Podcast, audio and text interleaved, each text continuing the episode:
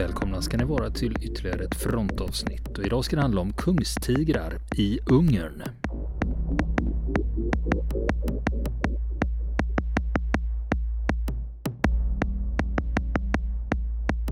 Ja du Niklas, eh, det var du som skulle ta täten i dagens avsnitt. Ja, jag har ju varit lite hemlighetsfull här. Jag skrev... Ja, då blir jag bara, jag blir ju så nyfiken. Ja, jag skrev, jag, jag, när vi chattade lite tidigare idag så eh, skrev jag, och du frågade vad, vad handlar det här om? Och det enda jag skrev var att vi ska prata om ungerska tigrar. Eller tigrar i Ungern. Ja, då, då, tänkte jag det, tänkte jag, det fanns ju, tänkte jag antingen, då, då tänkte jag det finns två spår. Antingen mm. är det liksom, antingen handlar det om stridsvagnen Tiger, mm. eller också är det någon politisk gruppering. I Ungern fanns ju något som heter Pilkorsarna. Men det, ja. jag tänkte det kanske finns något som heter Tigrarna också. Vi hade ju Arkans tigrar nere på Balkan på 90-talet. Så jag tänkte det kanske är något förband som kallas för Tigrarna. De tamilska tigrarna, var inte det Tamilska tigrarna, jajamän. Stämmer, stämmer. Nej, men eh, du, du har rätt på A men fel på B kan man säga. Det, ja. De här tigrarna, de har torn och larvband. Ja, okej. Ja. ja, då, är de, då misstänker jag att de har ett ursprung från Tyskland. Nu. Korrekt, korrekt. Det blir en uh, kaka till dig för det svaret. Uh, jag, alltså det är så här att jag har gått och funderat ganska länge på att göra ett avsnitt om striderna i östra Ungern under hösten 1944, närmare bestämt kring en stad som heter Debrecen. Det är alltså uh, Ungerns näst största stad, den ligger 22 mil öster om Budapest.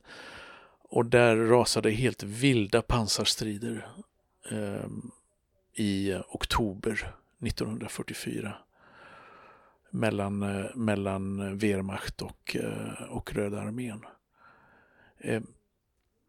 Och problemet bara har varit att det finns, det finns ju en hel del böcker skrivet om det här.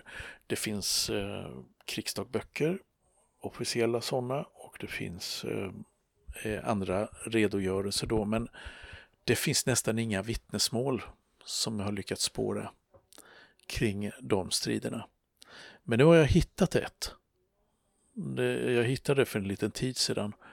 Och eh, jag tänkte att nu kör vi. Nu, nu tar vi det här och så berättar vi om den här historien utifrån en, en mans horisont. En kompanichef på en tigerbataljon. Eller snarare inte ens tigerbataljon utan kungstigerbataljon. Oh. Ja, så nu snackar vi. exklusivt nästan. Ja, exakt. Ja. Nu, nu snackar vi tungmetall. Eh, kan man lugnt säga. Och eh, det här eh, baseras då i, till väldigt stor del, de här avsnitten, på memoarerna av en eh, tysk pansarofficer som heter Richard von Rosen. Och eh, hans memoarer de finns översatta till engelska för den som vill läsa mer för de är, det är faktiskt en, eh, en väldigt bra eh, memoarbok. Eh, han heter von Rosen alltså. Ja, exakt. Eh, inte släkt med... Det tror jag inte. eller, eller i så fall, eller på väldigt, väldigt långt håll i så fall. Men hans bok, den heter Panzer Ace, The Memoirs of an Iron Cross Panzer Commander from Barbarossa to Normandy. Men, ja den har lite lustig undertitel där då, från Barbarossa till Normandie. Men boken börjar långt före Barbarossa och den slutar långt efter Normandie. Men det är väl antagligen för att sälja in den då för en engelsktalande publik som är jätteintresserad av Normandie och östfronten. Ja, men då, det är lite ovanligt för att det mm. brukar vara antingen eller. Mm. Men för du vet, en del snöar in helt och hållet på östfronten. Det är pansar och Stalingrad mm. och grejer. Just det. Eller så är det de som har sett Saving Private Ryan 25 000 gånger mm. och Band of Brothers och liksom snöat in mm. helt på Normandie. Men här har vi då någon som har lyckats liksom klippa bägge de målgrupperna då. Ja, typ. typ. så kan man faktiskt uttrycka det. Eh, det, det, var ju inte, det var ju inte ovanligt så att säga att eh, för eh, de tyska förbanden att flyttas mellan olika krigsskådeplatser. Så att de hann göra vänder både här och där. Um, men här kan man så att säga med, med, hans memoarbok så kan man alltså eh, vända sig till flera, flera målgrupper av möpar. Det är sant. Det är sant. Eh, och närmare bestämt så kommer det handla om tunga 503 pansarbataljonen ur tyska armén som då hade, hade kungstigrar. Och von Rosen, eh, han var 1940 när han gick in i Wehrmacht. Tänkte ta lite kort om hans bakgrund till att börja med. Då var han 18 år gammal och han blev alltså eh, inkallad som menig soldat.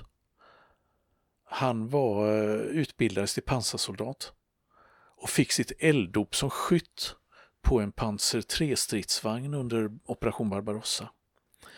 Eh, men han hann bara vara med där i ett par månader tills han blev eh, svårt skadad i en olycka i augusti 41 och hamnade på sjukhus under en väldigt lång tid. Och eh, följande år, eh, 1942 alltså, så blev han kommenderad till eh, ett nytt förband nyuppsatt förband, nämligen eh, en tung pansarbataljon, nummer 502, som hade utrustats med de tunga och då toppmoderna och knappt testade Tigerstridsvagnarna. Tiger 1 alltså. Och han skickas med, och han blir alltså då eh, på grund av de stora förlusterna eh, som varit på östfronten då både manskap och eh, officerare så blir han skickad på en officerskurs där och, i samma veva och blir alltså löjtnant och plutonchef i den här eh, Tigerbataljonen eh, som då skickas till östfronten eh, under Stalingradkrisen, Stalingradvintern 1942-43. De ska hjälpa till att befria Stalingrad, eh, rädda sjätte armén, men det går ju som sagt inte så bra. Och eh, Senare så blir den här eh, bataljonen bataljonen och, omdöpt till Tunga 503 och han är med och överlever striderna i Normandie. Och de blir omringade i Falaisfickan och eh, han överlever utbrytningen från Normandie där. Och, Falais, eh, och eh, i september samma år, då 1944, så utrustas bataljonen med de nya kungstigrarna på en, eh, på en armébas vid fransk-tyska gränsen då och där blir han alltså kompanichef. Han är kapten och kompanichef i det laget. Och just i den vevan så Eh, är det ju, ja, det är ju kris överallt på de tyska fronterna vid det laget. Och Eh, eh på östfronten, där har det ju varit katastrof sen, ända sedan juni 1944 när, när fronten föll samman och den Röda armén har varit på offensiv på bred front i vecka efter vecka efter vecka och har kastat ut de sista tyska trupperna ur själva Sovjetunionen och trängt långt in i grannländerna eh, över hela linjen där eh, i Baltikum och i Polen och eh, även då i Rumänien och Bulgarien då har man tagit.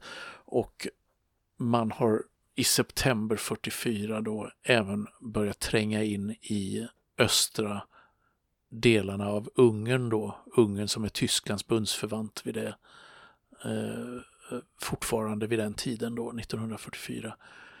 Och eh, som själv har haft då trupper på östfronten för att strida mot ryssarna.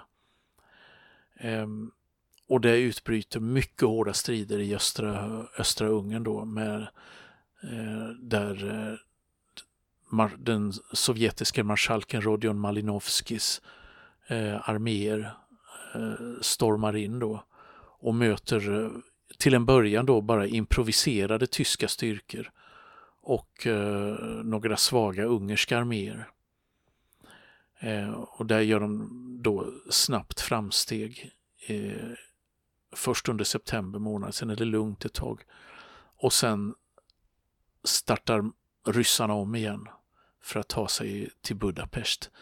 Och man börjar sin offensiv då, ryssarna den 6 oktober 1944 och eh, man går fram på två täter kan man säga och på den södra av dem så skär man av eh, eller skär man rakt igenom eh, en ungersk armé och gör väldigt stora framsteg.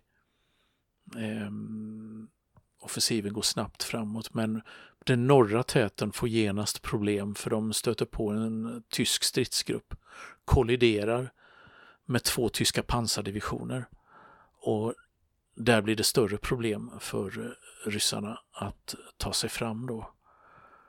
Och eh, det pågår då hårda strider som böljar fram och tillbaka. Eh, centrerade kring ett område runt Debrecen. Staden Debrecen drygt 200 kilometer öster om Budapest. Eh, och de ryska trupperna de tränger, tränger fram då mot en flod som heter Tissa. Eh, som man måste gå över för att kunna ta sig till, eh, till eh, Budapest.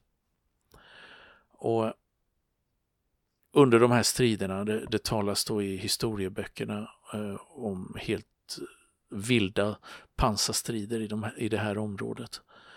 Eh, men det går det går eh, slutligen då, trots att tyskarna tillfogar eh, ryssarna enorma förluster, så går, fortsätter det att gå bakåt vid den här tiden då. Alltså att man talar om förlustförhållanden, alltså för, om man jämför de tyska förlusterna, alltså för varje tysk soldat, så, så bedömer man att fyra till fem ryska soldater stupade eller blev sårade eller fångar.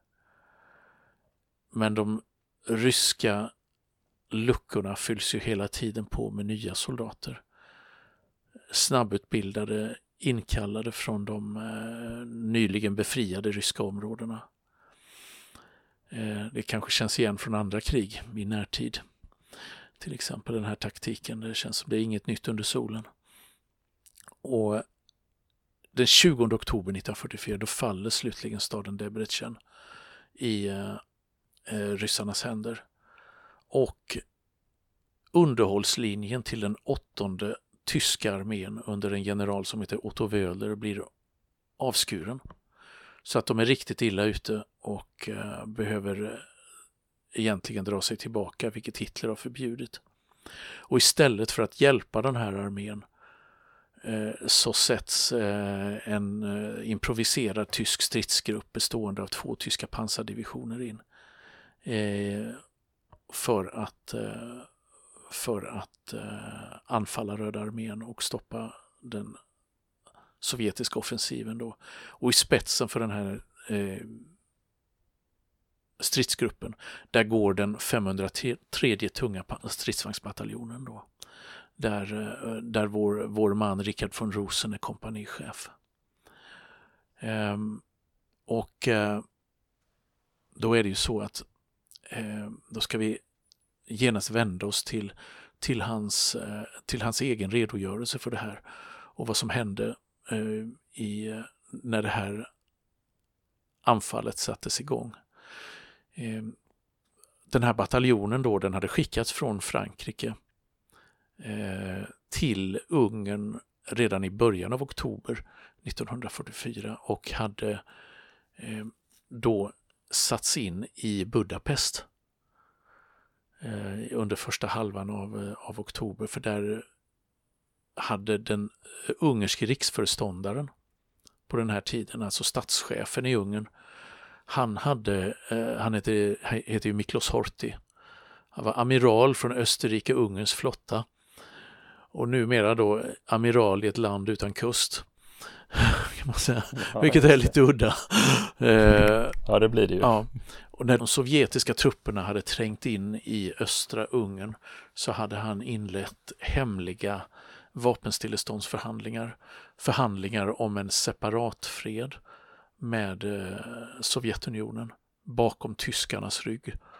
Och när tyskarna då fick nys om det här så skickade Hitler hit en man som heter Otto Skorzeny för att eh, SS-man, Special Forces, Den, Just det. Jag kan ju säga så här att jag ska inte säga att det är varje månad men några gånger per år så får vi ju lyssna mail från frontkamrater som tycker att vi borde göra något på Otto Skorzeny någon gång. Det, det kan vi göra. Och det, ja. det, det, det, är väl egentligen två, som, två namn som hela tiden förekommer om önskemål. Det är Otto Skorzeny och eh, så är det eh, Lauri Turney, alltså mm. Larry Thorne. Det är de två herrarna som mm. folk vill höra oss berätta om. Just det. Um, jag berättar gärna om Scorsese i ett annat sammanhang, men en del kommer kanske bli lite besvikna för att uh, han gjorde många spännande saker, men han var också en stor bluff. Eh, så att eh, det kan vi ta som en cliffhanger, för det ska jag berätta varför i ett kommande program. Eh, men han skickades i alla fall dit då med handplockade SS-män för att sätta stopp för vad det här vad Horthy höll på med vid den här tiden. Eh, och eh, det slutade i alla fall med att, eh, med att eh, tyskarna ockuperade Budapest. Eh, Horthy kidnappade, eller eh, Skorzeny kidnappade Horthys son, utpressade Miklos Horthy, amiralen, tills han avgick och lämnade Budapest. Och istället ersattes han av eh, pilkorsarna. De, det ungerska svaret på nazisterna under, eh, under Ferenc Salasi som eh, ledare. Ehm, som man bytte regim där i mitten av oktober 1944. Så att det, var, det var en kaotisk tid på många sätt i ungersk historia. Händelserik månad. Och under den här eh, kuppen, alltså mot Horthy, så, eh, så deltog eh, den här pansarbataljonen som von Rosen tillhörde för att säkra gatorna, Eh, bevaka broarna över Donau i Budapest och så vidare. Man avfyrade väl inte ett enda skott under den här tiden. Eh, men en dramatisk skildring i alla fall levererar eh, von Rosen i sina memoarer av den här tiden. Men vi förbigår den och går direkt på krutröken istället. För när, den här, när det här maktskiftet är klart i Budapest, då dröjer det inte länge förrän eh, det kommer nya order till eh, tunga pansarbataljonen 503. För det har, hänt, det har ju hänt då oroande saker vid fronten. Som att eh, en ungersk försvarslinje har kollapsat och ungerska trupper har helt enkelt lämnat sina försvarsställningar och begett sig därifrån, från fronten, utan hänsyn till sina kamrater, både ungerska och tyska, på eh, flankerna. Utan man har lämnat en stor lucka i fronten. Och eh, den 19 oktober 1944 då fattas därför beslutet att sätta in ett anfall mot, eh, mot eh, ryssarna av de här två pansardivisionerna som jag pratade om tidigare. Men med den här eh, bataljonen med eh, kungstigrar eh, i spetsen då. Och eh, det, de informationer som når von Rosen via sin bataljonschef, det är att man ska genomföra ett anfall mot fienden eh, Eh, från ett brohuvud som eh, tyskarna fortfarande håller vid floden Tisa öster om Budapest, vid en stad som heter Solnok. Och där ska man bryta igenom då fiendens linjer på östra sidan av floden och tränga österut, djupt in i flanken på eh, den sovjetiska pansarstyrkorna vid Debrecen. Ehm. och för detta då, för den här operationen då så ställs den här pansarbataljonen då under 24 pansardivisionens taktiska befäl. Redan den 17 oktober på kvällen så hade de fått order att förflytta sig från Budapest till, till eh, staden Solnok vid eh, floden Tisa. Och för att spara på bränslet då så skickades stridsvagnarna med järnväg medan hjulfordonen rullade. Alltså de, de gjorde en fordonsmarsch dit istället. Och de är inte fulltaliga för det blir bara två kompanier ur bataljonen som kommer fram verkligen till floden i tid för att delta i anfallet och det är första kompaniet som lastas först. Och sen är det tredje kompaniet, det är det kompaniet som von Rosen för befälet över. Och det fanns helt enkelt inte tillräckligt många specialbyggda eh, lastvagnar, alltså järnvägsvagnar som kunde klara vikten på de här Kungstiger eh, vagnarna då. Så att därför fick man skicka dem kompani för kompani så de kom inte fram i samlad tropp. Så att säga utan, eh, utan de fick vänta på sin tur glatt på att de tomma vagnarna skulle återvända. Eh, så därför var det lite bökigt. Men på kvällen den 18 oktober, alltså ett dygn senare, så anlände eh, von Rosens kompani med tåg till Solnok. Eh, förutom en pluton då som saknades, den hade blivit, blivit efter. Eh, den har blivit kvar på, eh, på, på perrongen i, i Budapest och eh, skulle inte komma fram i tid för operationen. Så hans eh, kompani var inte fulltaligt när de fick stridsorder nästa morgon. Då. Och då fick de order att de skulle gå i spetsen för 24 pansardivisionens anfall. Första kompaniet, det var på plats och fulltaligt. Men för Rosen, han hade bara tio vagnar eh, av sina då som var framme. Eh, och de skulle börja anfallet i gryningen efter kort artilleribombardemang. De skulle bryta igenom fiendens försvarsställningar. Och när de hade gjort det så skulle de svänga åt sydöst och erövra en stad som ligger i närheten där som heter Mesötur. Jag kan ju flagga lite för det att det här kommer bli en fullständig ungersk namnmassaker här nu eftersom jag Så förlåt på förhand. Eh, ni som är ungersk kunniga bland våra, bland våra frontenlyssnare. Så, eh, så eh, ja, det kanske inte låter vackert i era öron men vi gör så gott vi kan. Ja, eh, vi har ju ofta en utmaning när vi ska beskriva saker. Mm. Ibland kan jag känna att det har varit lättare att köra en, eh, köra en powerpoint med ja. karta och lite pilar. Liksom. Att man kan, istället för att försöka ingående förklara hur de här städerna ligger i relation till varandra och Jajamän. avstånd och sånt. Mm. Precis. Men grejen är att anfallet, för att göra en lång historia kort, det kommer se ut som en zigzagmanöver. Det är liksom inte rakt fram utan det, de kommer röra sig i zigzag över kartan. Eh, först mot sydöst, mot den här staden. Sen ska de svänga åt andra hållet mot nordöst och eh, via en liten stad som heter Turkeve. Och ska de ta sig till en eh, eh annan stad nordväst på vägen mot Debrecen som heter Kisjusallas. Eh, och eh, det fanns ju ett problem till med det här och det var ju att ingen spaning hade gjorts.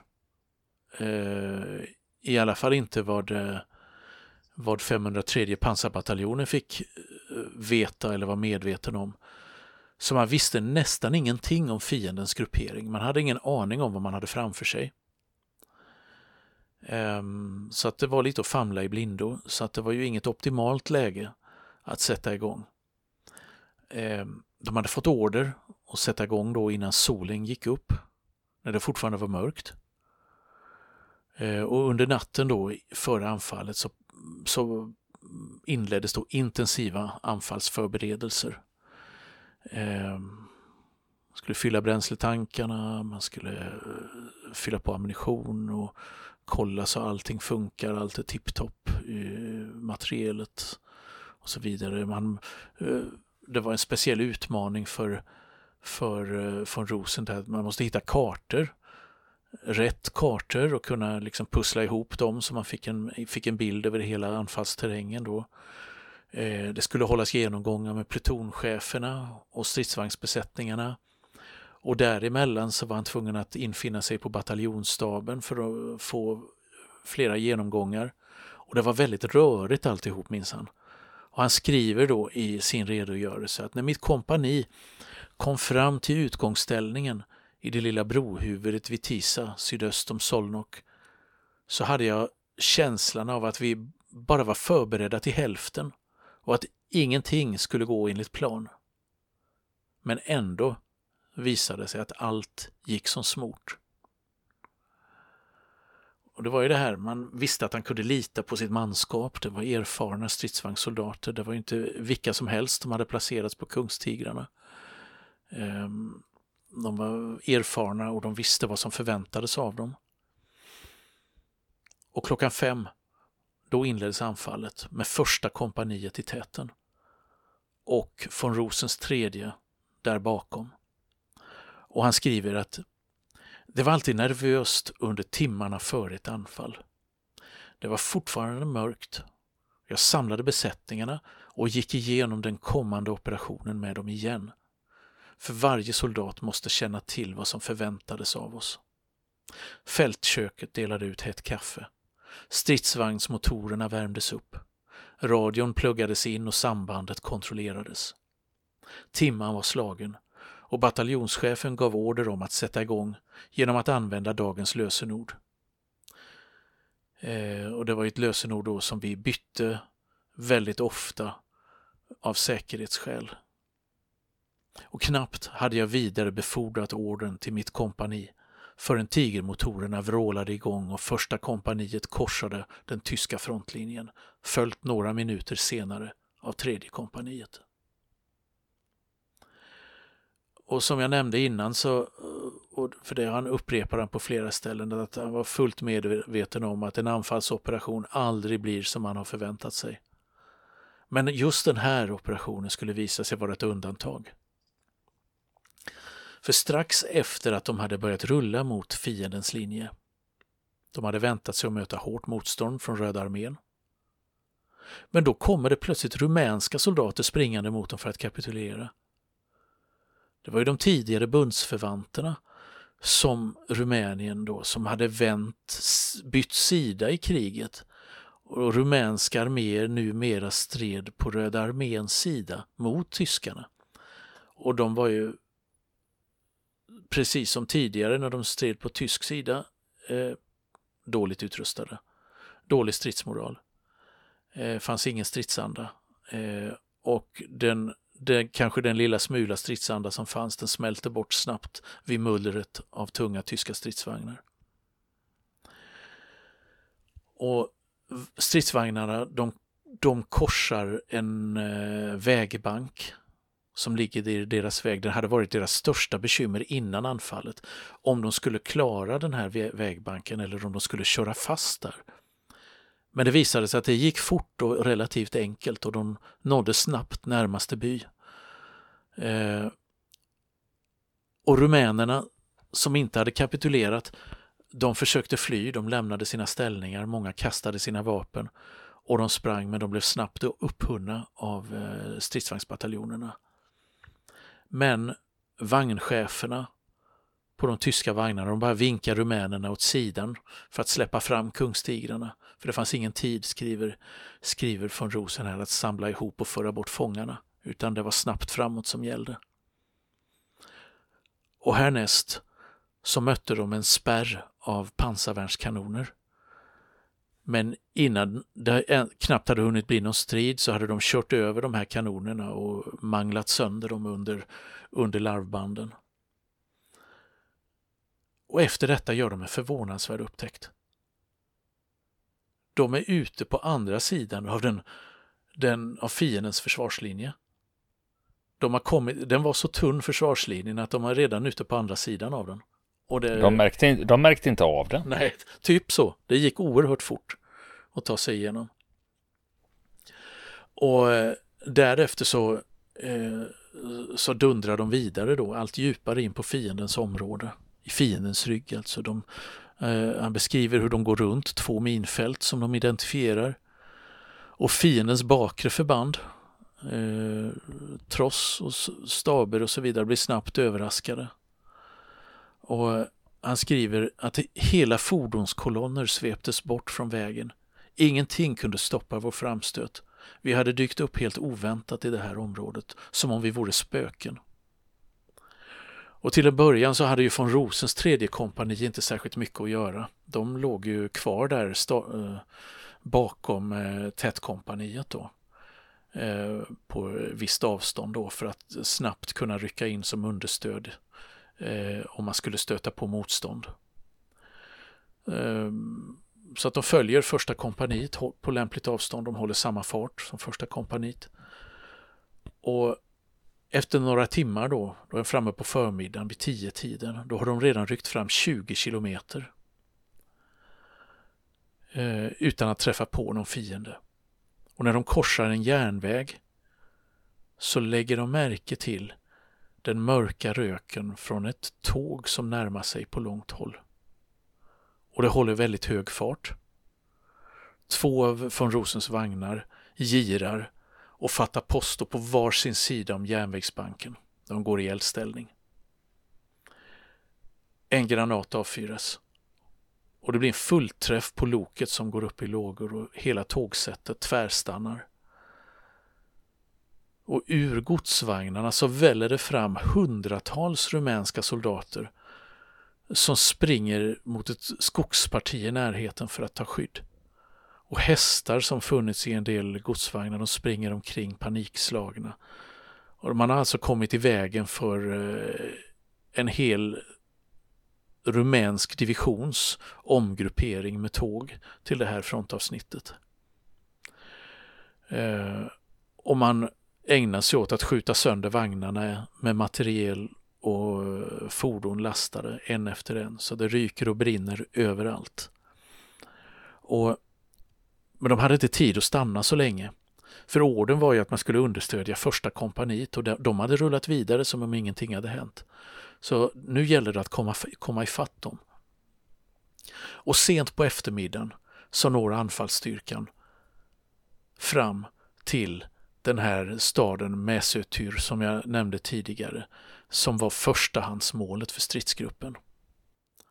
Och där blir man tvungen att göra halt för att fylla bränsletankarna. Och det gör man i närheten av staden då, där, där formar bataljonen ett igelkort försvar på ett öppet fält. Och mitt i cirkeln placeras tankbilarna och de andra trossfordonen som så småningom hade hunnit fram. Och där gör man det som på svenska kallas för en tolo, då, tankning och laddning. Och vad som händer när man håller på med detta under natten och kvällen och natten, det blir inte helt okomplicerat. Men det ska vi berätta om i nästa avsnitt. Ja, spännande, det händer ju grejer alltså. Nämen. Och sen också, det är väldigt internationellt. Ja. Om man tänker på mäng mängden. Ja, ja, precis. Det, det, blev en nation till som de ingen hade räknat med. Ja.